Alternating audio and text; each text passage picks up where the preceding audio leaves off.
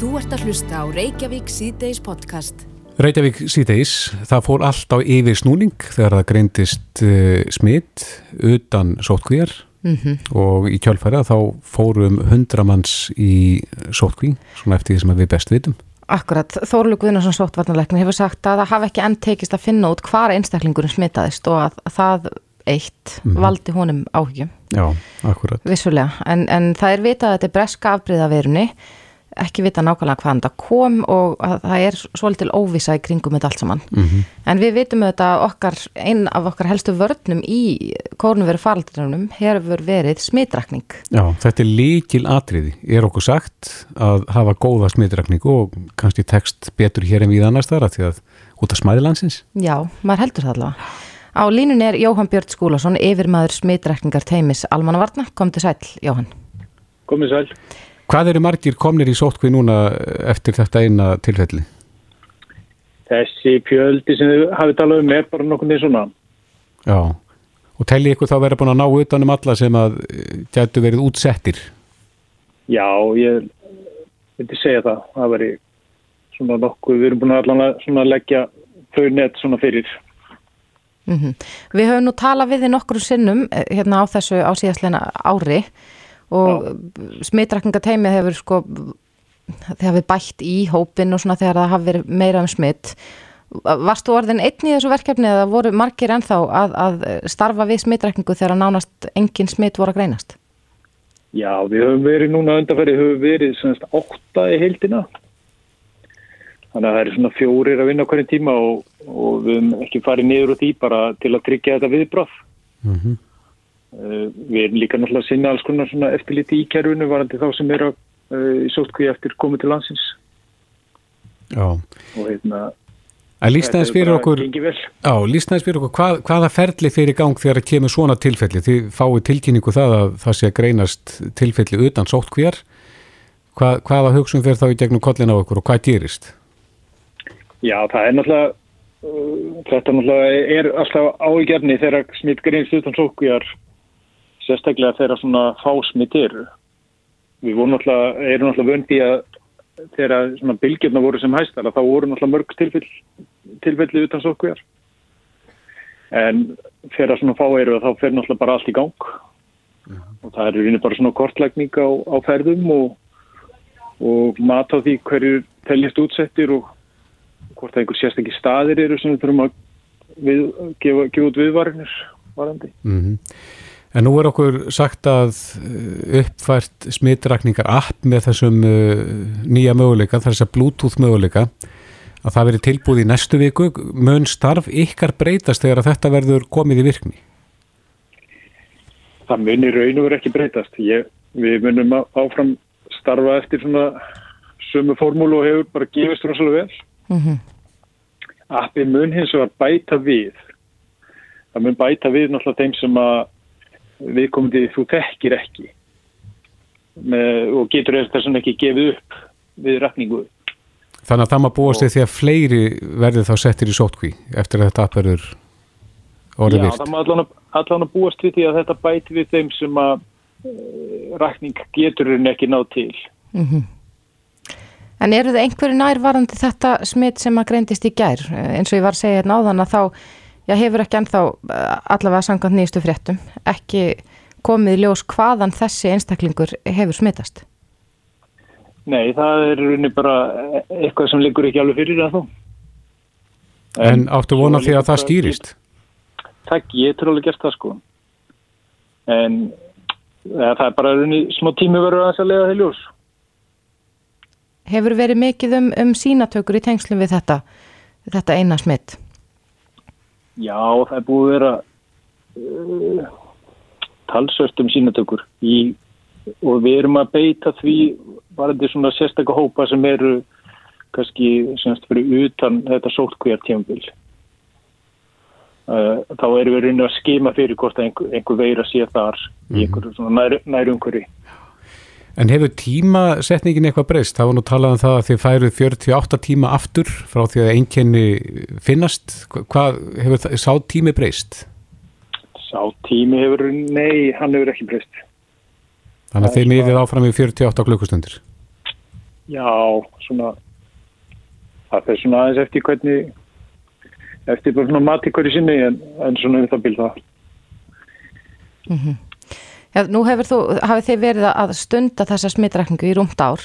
Hvað er að svona helst að það er lært á leiðinni? Er, er, sjáuð einhvers konar hegðuna minnstur hjá fólki? Sko við erum alltaf, nei, í raun og veru við erum alltaf lært uh, mjög mikið og þróa þetta ímis skona verkla og, og bara eins og sem grunnurinn sem við vinnum með, gagna grunnur til þess að halda auðvunum þetta.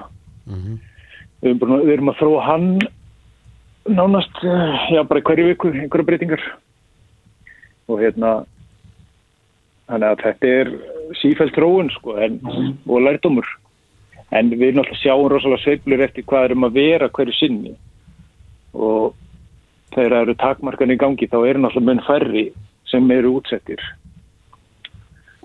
Og við sjáum rosalega sveiflur í tíu Já, hræðir það eitthvað núna að, að þetta eru, eru litlar, litlar hömlur í rauninni, það er, ég meina, fólk er að hittast og, og þetta er svona þess frjálsleira núna, er, er það eitthvað ótti hjá ykkur, svona þegar það kemur upp svona óutstýrt smitt, hversu margir, hversu samgangurinn er mikill orðin?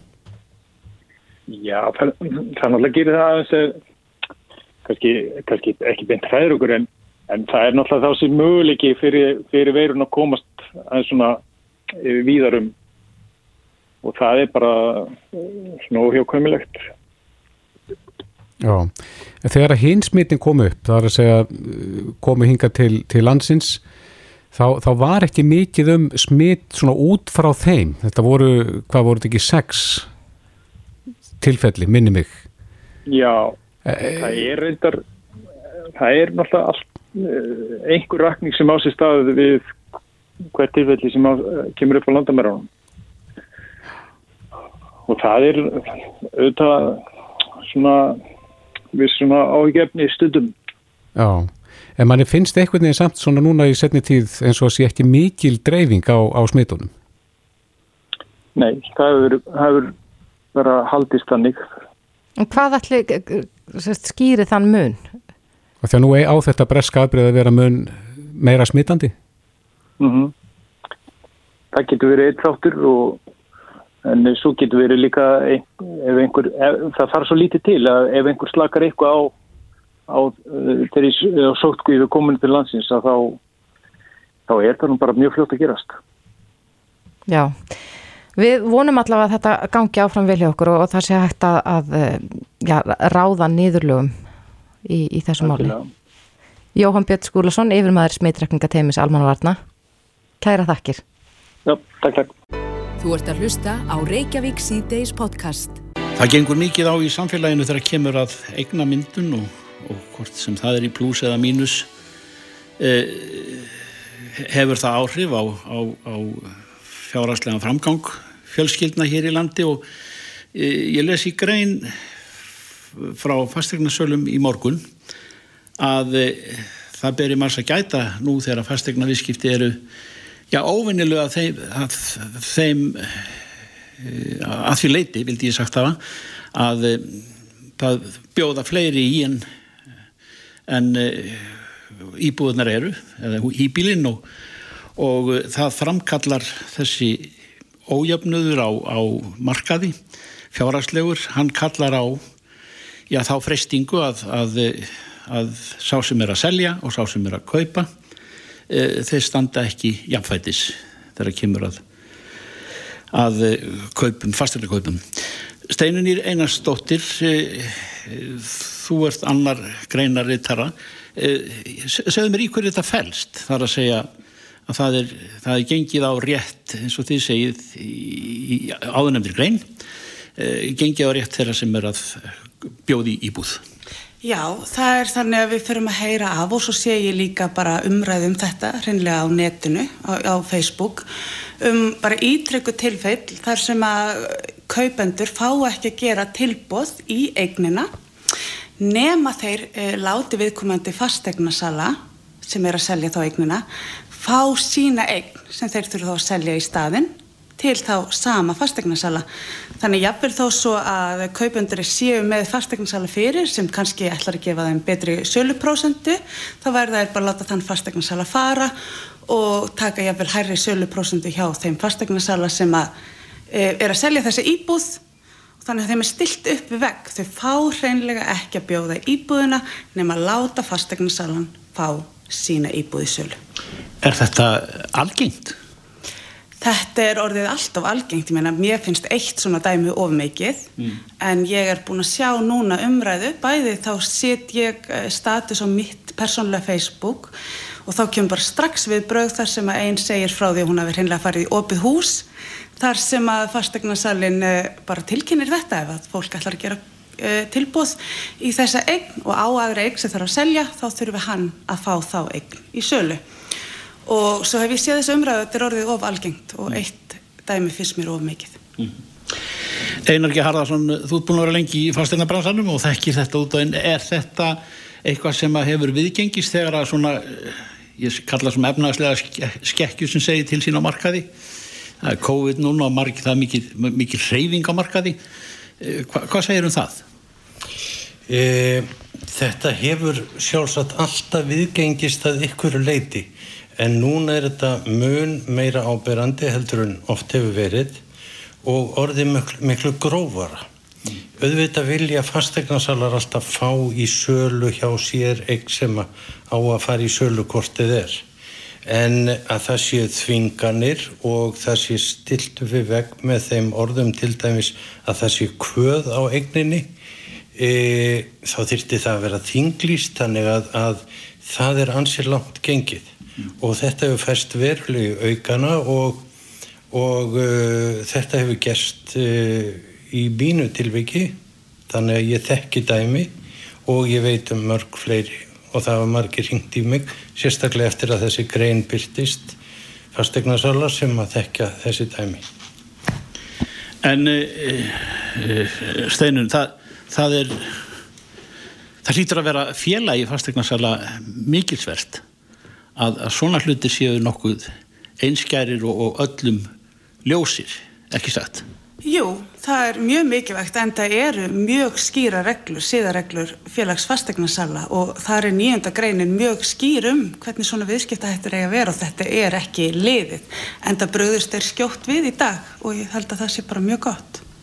Bröð, bröðust skjótt við, ég sé að þú hefur í handónum já, yfirlýsing frá félaginu eða, eða skrif nú samdagus og, og greinir byrtist Já, það kom uh, póstur í morgun til okkar fastegnarsala þar sem að uh, er tekið á uh, þessum skrifum okkar í dag og, og nefnd þessi grein og áréttað að eftirlitsnefnd fastegnarsala hafi gefið út yfirlýsingu hvað þetta varðar að svona vinnubröð séu óheimil þau séu óeðlileg og uh, þvert tekið fyrir það meðal annars í 15. og 16. grein laga um, um fastegna kaup og svo einnig í 9. grein síðarregluna þannig að uh, félagi tekur undir þetta alveg umsögulöst Gótt til þess að vita Steinunir Einarstóttir og Einar G. Harðarsson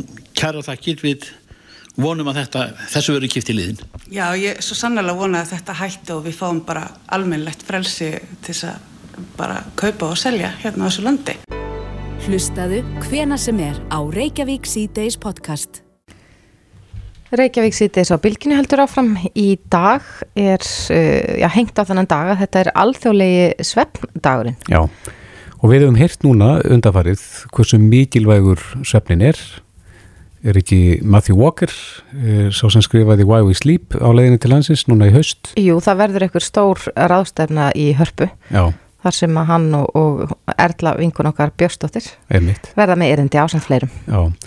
Á línunni hjá okkur er Björg Eisteinsdóttir hún er deildarstjóri Sveppdeilda Landspítalans kom til sæl Sæl og blessuð Já, þetta er stór dagur í dag, það er að segja alþjóðlegi sveppdagur, en, en hvernig er staðan hjá ykkur? Er, er alltaf jafn mikið að gera á sveppdeildinni?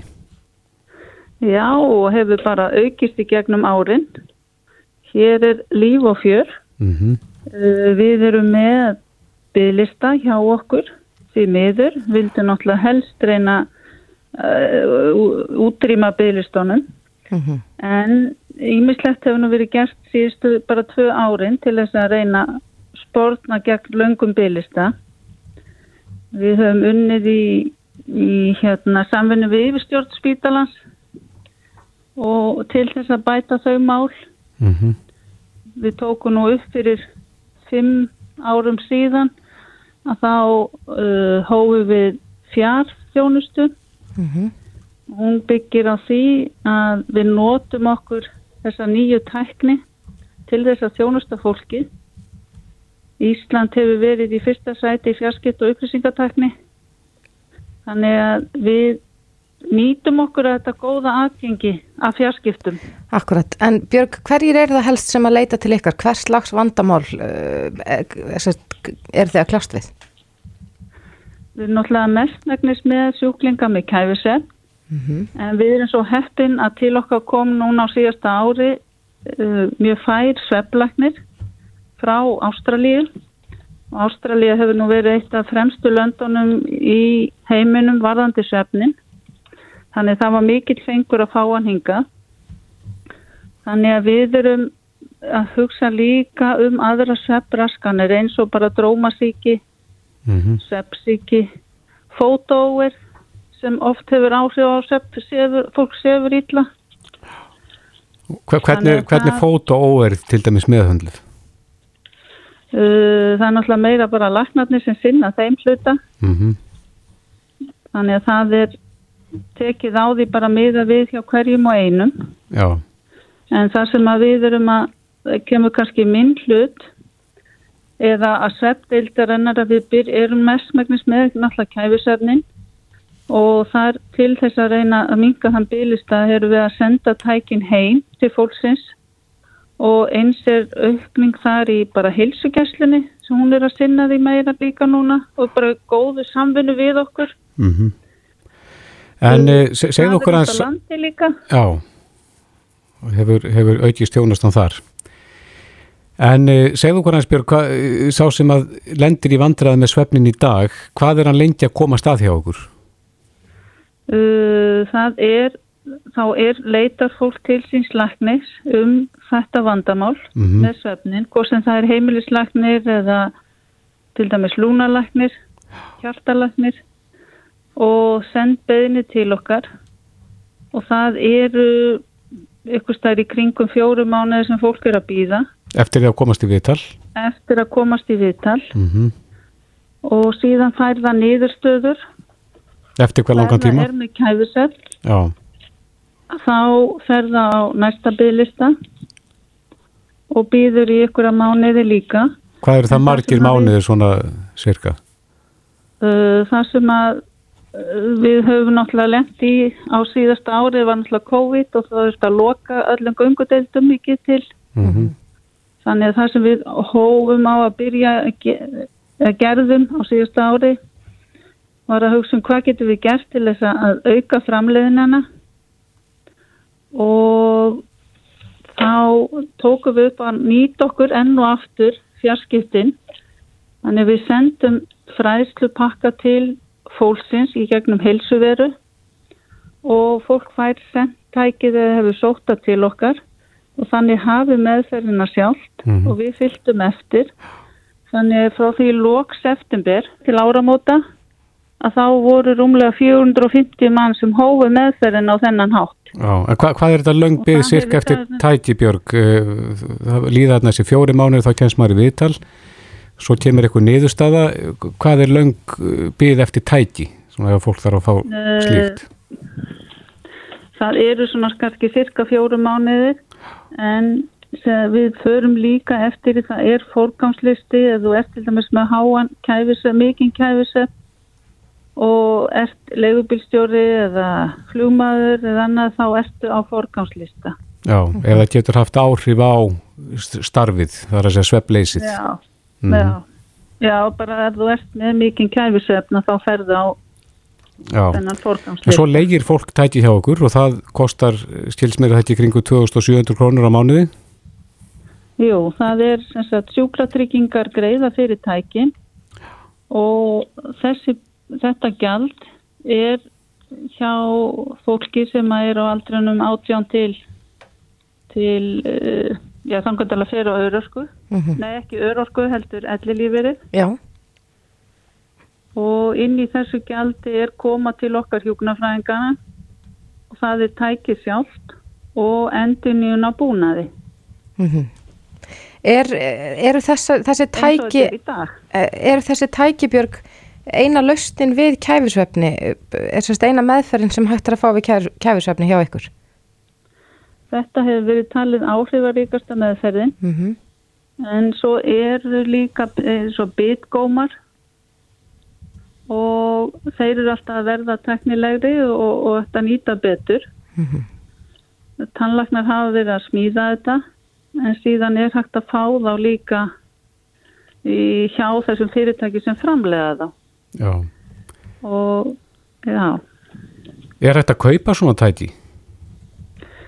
uh, það er fólk fær þetta tæki hjá okkur vegna þess að þetta er stilt fyrir hvern og einn en þegar þú ert komið með tæki að þá eru til ferðatæki sem fólk hefur geta keift Já, já, akkurat. En það er, það er sem sagt bygglistarnir þeir lengjast ef ég stílur rétt. Þeir hafa reyndar verið að stittast Já, að því að við höfum verið að auka framleinan til dæmis eins og ég sagði þarna í september Mhm.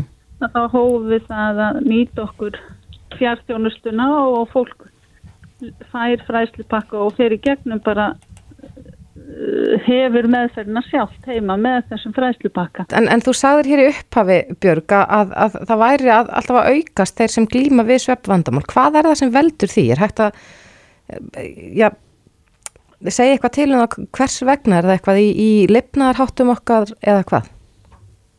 Það er uh, náttúrulega ímyndlega sem getur valdið. Bæðir að það að fleiri og fleiri gera sér grein fyrir þessu og senda fleiri til okkar eins og bara hjartalagnandindi til dæmis og lúnalagnandir.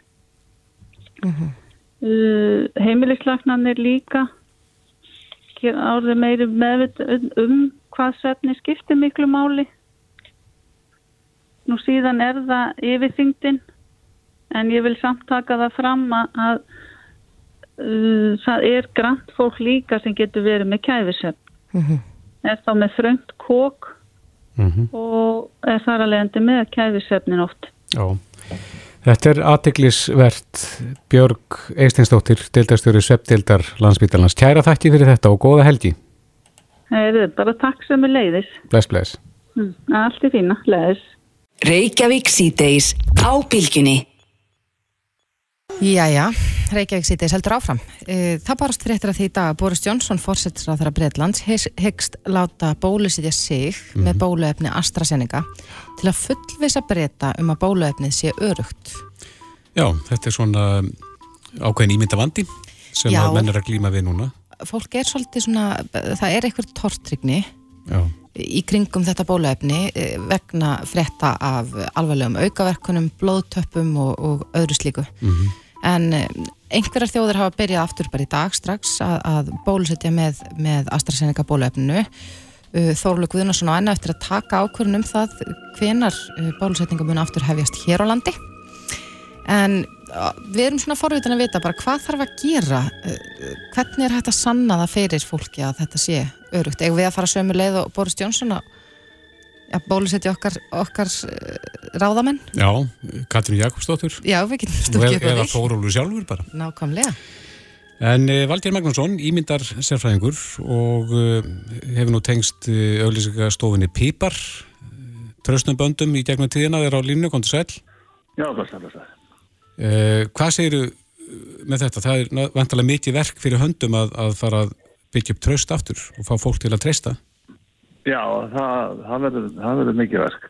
Uh, vegna þess að sko, það búið að vera svo mikill fókus á bólefnin og síðan uh, aukaverkanir í þessu bólefni sem að og mikið af fólki sem að veit ekkert um hvað að tala sem að talar og talar sko. Þannig að og það er svo erfitt að vinda ofan af svona þegar það er komin hysteria og, uh, og þannig að það sem það har helst að gera er einmitt að hafa aðgengi að upplýsingum uh, sko hafa það gott. Þannig að það sé ekki sko einhverjir að vera með góða gott aðgengi af röngum upplýsingum. Eða réttu upplýsingum það er íll aðgengilega, þá er alltaf tortregni mm -hmm. Og tortregni þarf að eitthvað eina eða og, og ég svona kynnti mér þetta svona rétt á þarna til ringduð og sé að það er sko í 20 miljón tilfellum þar sem að uh, bólefni hefur gefið eru sjö tilfelli þar sem að er döðsfall og uh, það fyrir okkur mjög mikið, það er bara sjö dánir en, en það er bara svo sjaldan sem er verið að sko bólusetja 20 miljón manns á nokkrum dögum en ef við skoðum þetta einhverju samvikið við bara önnu liv sem við erum vöna sko, skoða og, og kannski ef við færum að lesa á pakkan þá myndum við enginn nota lifina því að það stendur, sko það gæti verið svona og svona og svona aukaverkun mm sem gæti jafnvel leitt í döða, þetta stendur á sko flest öllum lifin sko. En við erum ekkert að pæli því að það er ekki frétt um allan daga þessi lið. Nei, en ja. Valger heldur að, að helbriðis yfirvöld hér á landi ættu að fara þá leið að setja þessar upplýsingar fram með skýrum og einföldum hætti og miðla þessu þannig til þjóðarnar? Já, að, að við sko um leiðum að heyri 7-5 á 20 miljón þá er maður sko aðeins róleri heldur en sko, ef maður heyrir bara hvað margir hafa dáið eða veikst. Mm -hmm. Þannig að, að, að, að upplýsingarna séu rétt og í réttu samhengi og svo þá ákveðu við þegar við fáum bólefni já, líkun eru 1,2 miljónum um, það eru betri líkur heldur en ef ég er óbólusettur til dæmis. Þannig, þannig að fólk seti hlutina í einhvern veginn svona samhengi. En síðan eins og þeir eru að gera með Brellandi með Boris Johnson, það já. er maður sem margir treysta. Og ef hann treystir sér í bólusetningu, hvað þá með mig?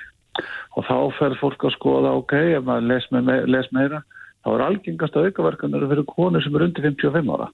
Mm -hmm. Þannig að, að það ætti þá að vera einhvern veginn öðruvísi, öðruvísi hérna valið í hópin sem fær að segja eitthvað uh, og hafa gegnsækt hvernig það er gert og afhverju uh, og, og svona bara snýst allt um upplýsingar. Já. Væri sniðt að fara svipaðileg hér? Myndi það hafa áhrif til, til þess að ávinna tröst að ef að Katrin Jakobsdóttir myndi til dæmis spjóða sér fram? Já, nema það væri kannski ekki sniðt á því hún er kona undir 55 ára. Já. Með að við þær upplýsingar sem maður hefur lesið, sko.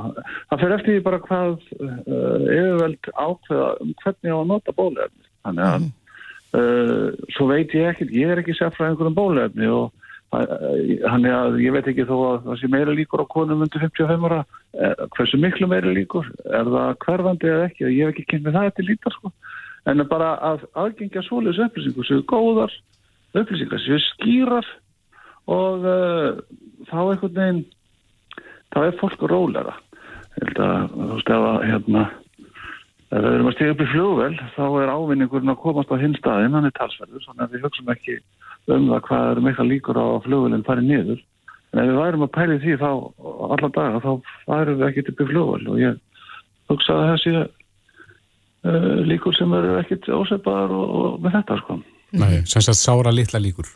Já, með að það sem ég kynnti mér að ég var að lesa. En þær, þær upplýsingar hafa ekkert almenna lefið í í fjölmjölum. Það hafa einhvern veginn verið bara svona hálf upplýsingar. Mm -hmm. Þannig að, þannig að svona, þú sem ímynda sérfræðingur, Valgir, finnst þér að menn mætti svona bretti bermar til þess að reyna að, að koma svona smá reyðu á óreiðuna? Já, ef að við viljum að AstraZeneca bóluefnið verði þannig að fólk vilji það alveg eins og verðin, þá þarf, þurfa upplýsingar um það að vera uh, auðskiljanlegar og vel aðgengilegar og og ekki bara að ég þurfa að leita á þeim heldur og það er kannski finni mig þessar upplýsingar þegar ég er að spögluða í þessu máluvætti. Þegar að fólk byrjar á Google að leita þessar upplýsingar að uh, upplýsingar sem að eru réttar og velframsettar séu það sem ég finn en ekki eitthvað sem að einhver sjálfskeipaðu sérfræðingur bjóð til út frá uh, ekki fréttum. Akkurat. Ég sé það að sko fransk helbreyðsefjöld hafa mælt með því að bara þeir sem eru 55 ára og eldri verði bólusettir með þessu bóluefni. Akkurat út af þessu sem þú sagðir hér á þann en fórsettisráður af Fraklands, hann var bólusettur í dag 55 mm -hmm. ára gammal. Þannig að það virðast fleiri ætla að fara þessa leið uh, eins og brettar að- að svona, já, fólki sem við treystum fyrir þessum efnum, verði bólusett með efninu. Þetta er mjög þekkt leið sko í, í, í markarsfræðinni að, að ef að fólk er sætt að, að þekkt andlit síni að þau séu ekki fætt og þá fylgjum við hinn sko. Mm Akkurat. En eh, Valli, við erum að tala við þið núna sem stjórnanforman Pipar, TPVA og ímynda sérfræðing, en þú ert ættjabóndi. Já, já, þetta. Hvað er í Hrísey? Það þurfa allir að uh, gera eitthvað aukarlega, skemmtileg. Akkurat. Já, já. Hvað er eftir í Hrísey? Uh, ég er á samt félagið minnum, uh, Kristni, við erum með ekki að bú í, í Hrísey sem að við tókum sko gömlu einakorunastöðinu fyrir svín þegar það var verið að rækst upp nýtt svínakinn á Íslandi þá var það gert í Hrísey fyrst og, og áður en að svínin fóru svo upp á land þegar að tí- tíminn var komin upp, upp, á, upp á sjúkdóma. Þannig að það var, uh, það var hérna, þau voru þau voru hafði í, í nokkra kynnslóðir sko, það var öðruvísi með svínin, þau, það var ekki 14 dagar sótkví, það var nokkra kynnslóðar sótkví sem það var haft í Hrísey og það hús, við breyttum því í eggjabú sem er engangum landnámsennur og uh, skilum landnámsegg og, og þar þar uh, erum við að, með hænur sem að búa til fyrir okkur alveg stórkostlega egg sem að eru búin að vera í núna í nokkra mánuði og, og gengum mjög vel Og byrðu í Hrísævali? Nei, en við eigum auka hús þar ég og, og Silja kona mín og, og kíkjum, kíkjum þangað reglulega helst mánaðarlega og þá vinnum að það sé ekki að búin og móka smá skít og og vera að gefa bröðana með degi og, og, og pakka ekki í pakningu og sendi bóðir. Já. Hvað eru hænurnar að skila mörgum eitjum daglega? Núna er þetta svona 120 til 150 ekkur dag. Uh, Landnarsænir verpa, verpa meðal þenni annarkvæð dag, ekki eins og einar hænur sem að spýta út þessi dag, daglega ekki. Uh, en við erum búin að vera í talfæðin fjölgun í búinu og núna í sumar þá erum við komin í svona 400-450 ekkur dag. Og engin hanni í hópnum? Jú, jú, jú, jú. Það, það, það, við látum hana, þetta er allt saman náttúru, náttúrulegt og það er, er illa gert við hænundar að láta það vera hanalisans. Já, þannig að það er smá fjör hérna líka. Það er fjör, fjör og, og svo hanarnir að sperra sig við hvern annan. Já, Þannig að svo ef það er á mikið þá þurfum við kannski að skilja það að. já, akkurat. Eh, Valdi Magnússon, stjórnanformaður Pipar, TPVA og ímynda sérfræðingur og hænsnabóndi. Takk fyrir þetta. Takk fyrir þess. Þetta er Reykjavík C-Days podcast.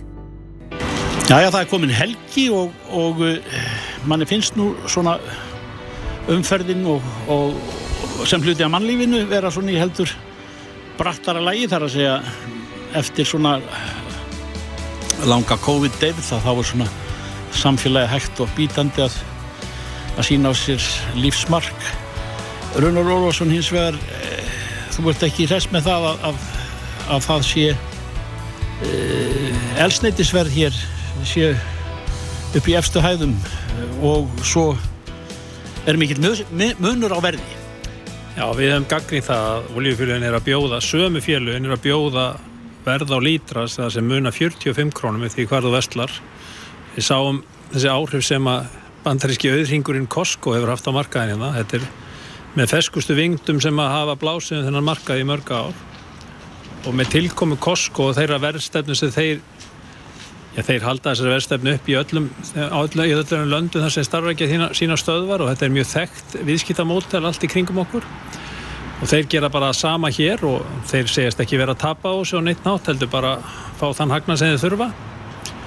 E, þá gerist það þau tók upp undir eitt ára hín fjölegin fór nú að taka við sér. Þá voru þau sennilega farin að pínast um of af sölunni hjá Costco og þau fóru að lækka. Og í, í nú er staðan svo að, að í þessum að, í þessari stuttu fjallega frá Costco í Garðabænu þar er hægt að fá ódýrstu lítrana hjá öllum félagunum svo gerist það reynda það ánægilega síðslega haust að litla félagi á markaðunum Allansolja opnaði eina stöð á, á Akureyri sem bauði upp á svona Costco tengt verð. Og það sé nú 400 km hérna á milli staða.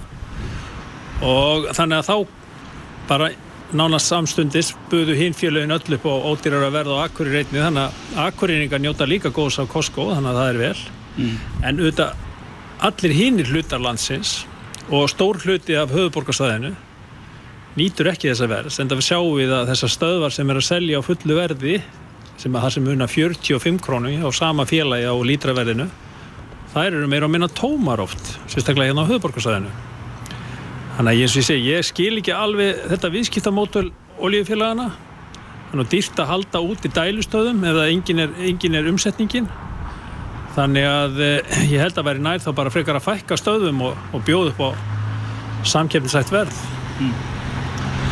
En eh, er þetta áhrif eh, er þetta COVID áhrif frá sjónarhóli þeirra sem er að selja vöruna? Eða og er þetta kannski rafurmagnið sem er farið að segja til sín? Neila má segja að þessi mikli vermunur er til staðar eins og ég segi en það er samt ánægilegt að ef við horfum á verðlagninguna á þessum stöðum þar sem er verið að bjóða upp á háaverðið þá er ekki um það að ræða að álagning félagana sé aukast þar með það sem áður var.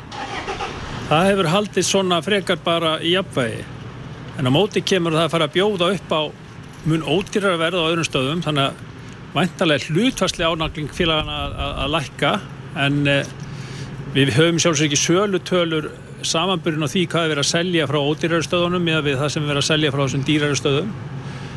Eh, síðan reyndar hefur það bæst við núna hérna síðustu misserinn að ólíuverð á heimsmarkaði hefur verið að stíga mjög hratt og við sjáum það að þetta er svo kallar brent ólíufatt sem er viðmiði í Norður-Európu það hefur farið úr 20 dólarum sem það var komið niður í fyrir ári síðan þegar COVID-19 var svona að stíga sín fyrstu spór og er núna var um daginn komið upp fyrir 70 dólara hefur nú aðeins farið niður fyrir það og, og mennur nú að spá að það kannski þetta muni ekki fara mikið herra í billi þessu fylgir spákaup mennska og jú, þarna stóru aðalöðin við þekkjum nöfn, OPEC-ríkin hafa dreyið úr framlegslu það þýðir að það dregur úr frambóði og svo hefur aukist eftirspurð vegna þess að menn eru nú aðeins bjart sínur og telja að það sé kannski sjáu sjá, sé að hylla undir sólalag í COVID-vandraðanum þannig að það er eitthvað sem við stjórnum ekki hér en álagningin er eitthvað sem er stjórnað af íslenskum fyrirtækjum og það er það sem við höfum gaggrínt þess að háa álagningu á þessum dýru stöðum. Runar Óláfsson Frangatastjóri félags íslenskla bifræðaðjönda, takk fyrir. Sjónæðist takk. Reykjavík síðdeis á Bilginni podcast